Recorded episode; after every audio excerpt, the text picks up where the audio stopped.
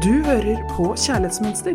Denne sommeren skal Anniken og Irene svare på det du lurer på, slik at du kan finne den kjærligheten du fortjener.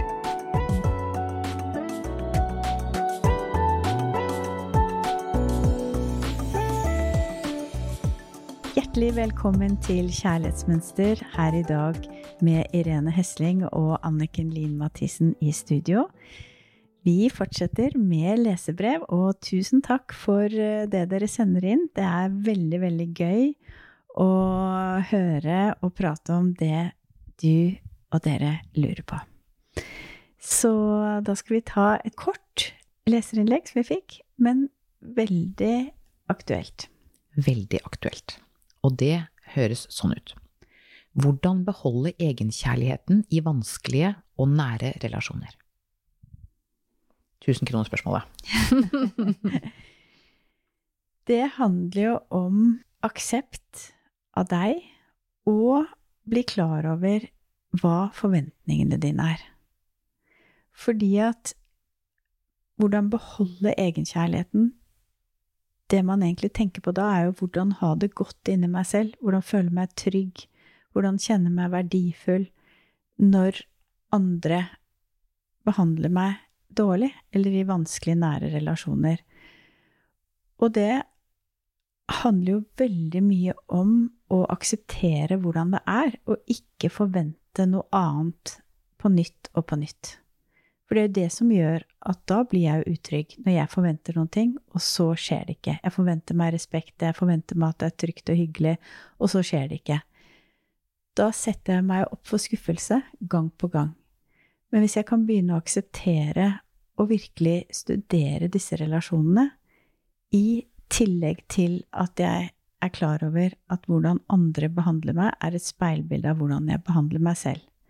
Så hvis jeg merker da, i nær familierelasjon eksempel at de respekterer meg ikke, så er det veldig interessant da når man kommer hjem fra den samlingen, å skrive ned hva, hvilken følelse sitter jeg igjen med etter å ha vært sammen med disse menneskene? Jo, for eksempel, jeg føler at de ikke har omsorg for meg, eller ikke har respekt for meg.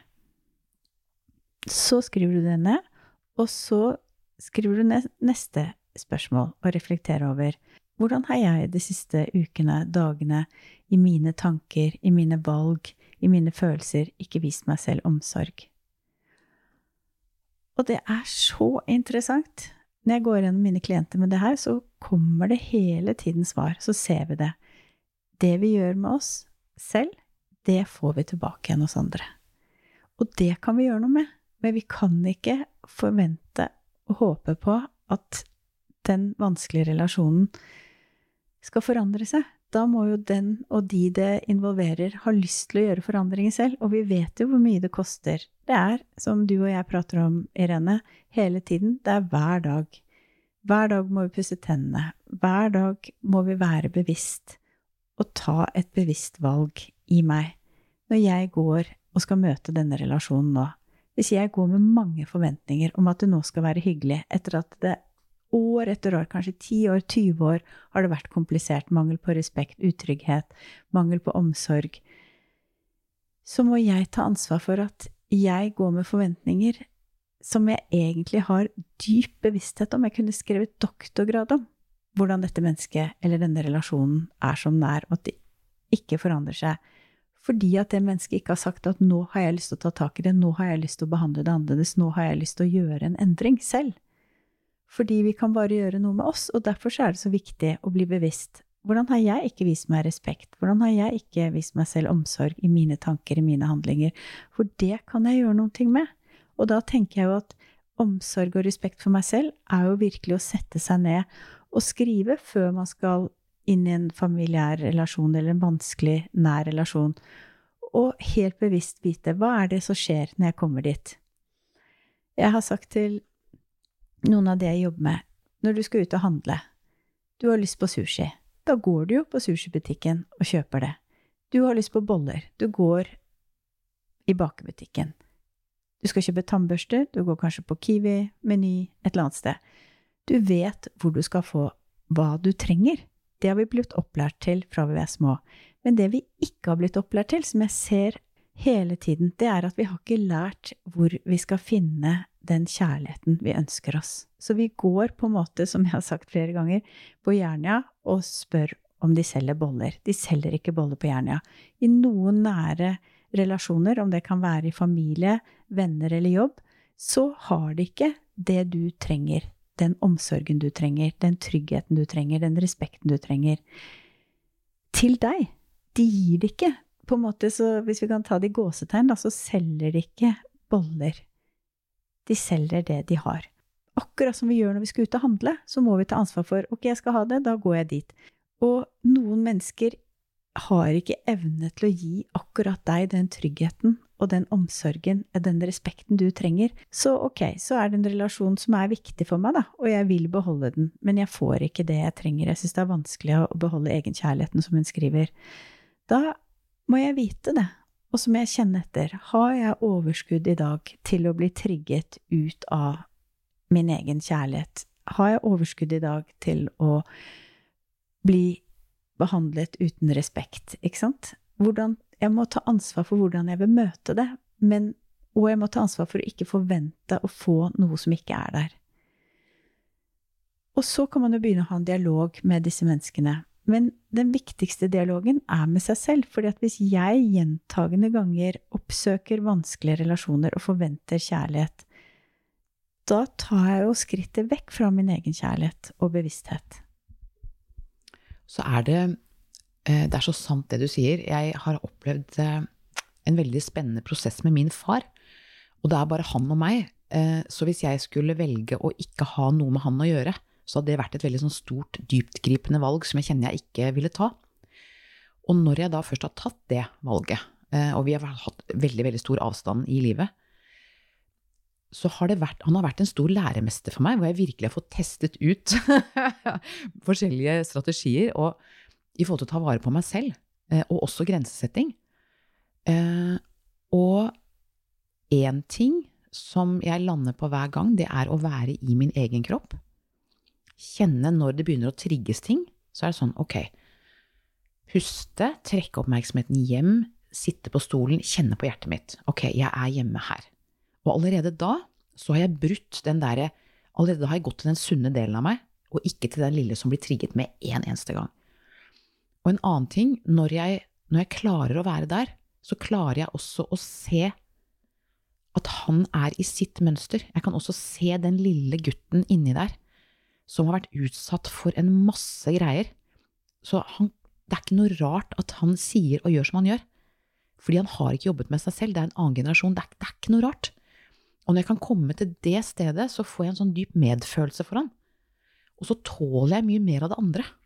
Ja, og det er jo så nydelig, for da har du jo også en sunn grense til at dette er meg, dette er deg.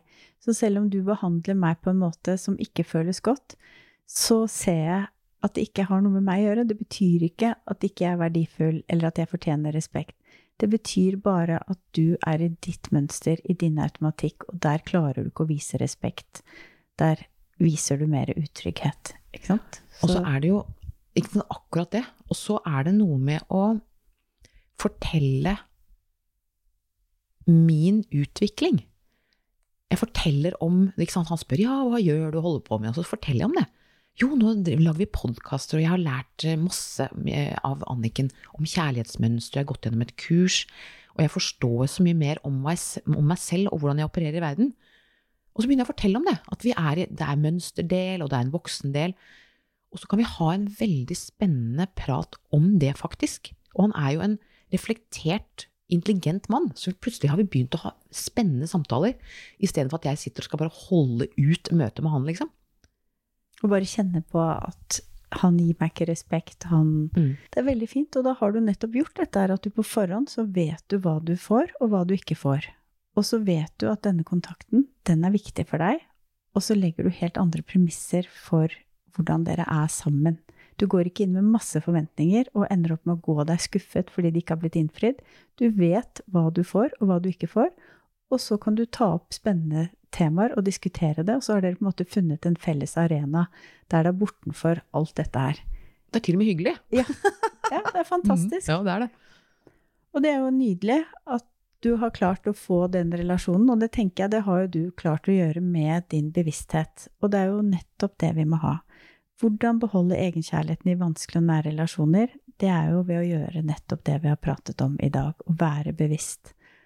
Hvordan er det? Hva er relasjonen?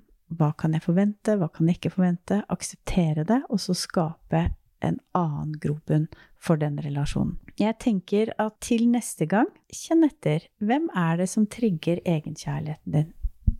Av dine nære relasjoner. Det kan både være familie, det kan være venner, det kan være jobb. Og så skriv ned.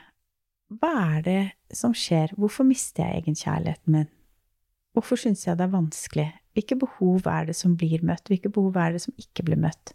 Hvilke verdier er det jeg ikke blir møtt på? For det er jo nettopp det at de største utfordringene vi har i relasjonene våre, er jo ikke å bli møtt på våre verdier. Så kjenn etter. Når jeg syns det er vanskelig, hvilke verdier er det ikke møter meg på? Og så skriv det ned.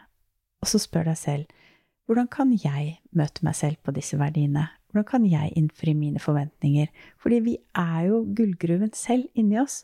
Og når jeg gjør det, så kan jeg møte denne relasjonen på en helt annen måte, for da har jeg på en måte eh, fylt meg opp med mine verdier, og da føler jeg jo meg verdifull.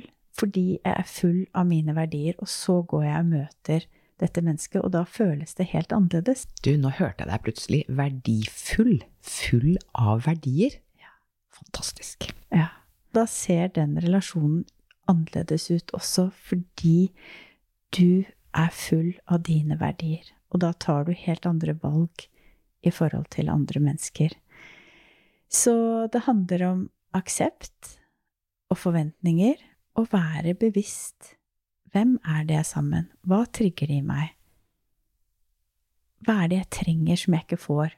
Hvordan kan jeg møte meg selv på det? Hvordan kan jeg gi meg selv det? Hvordan kan jeg møte opp i denne relasjonen med det uten å søke det der? Mm. For husk på det, inni deg så har du muligheten til å møte deg selv på alle dine verdier, og du har muligheten til å være i kontakt med egenkjærlighet, selv om det er kjempevanskelig av og til når man blir virkelig trigget.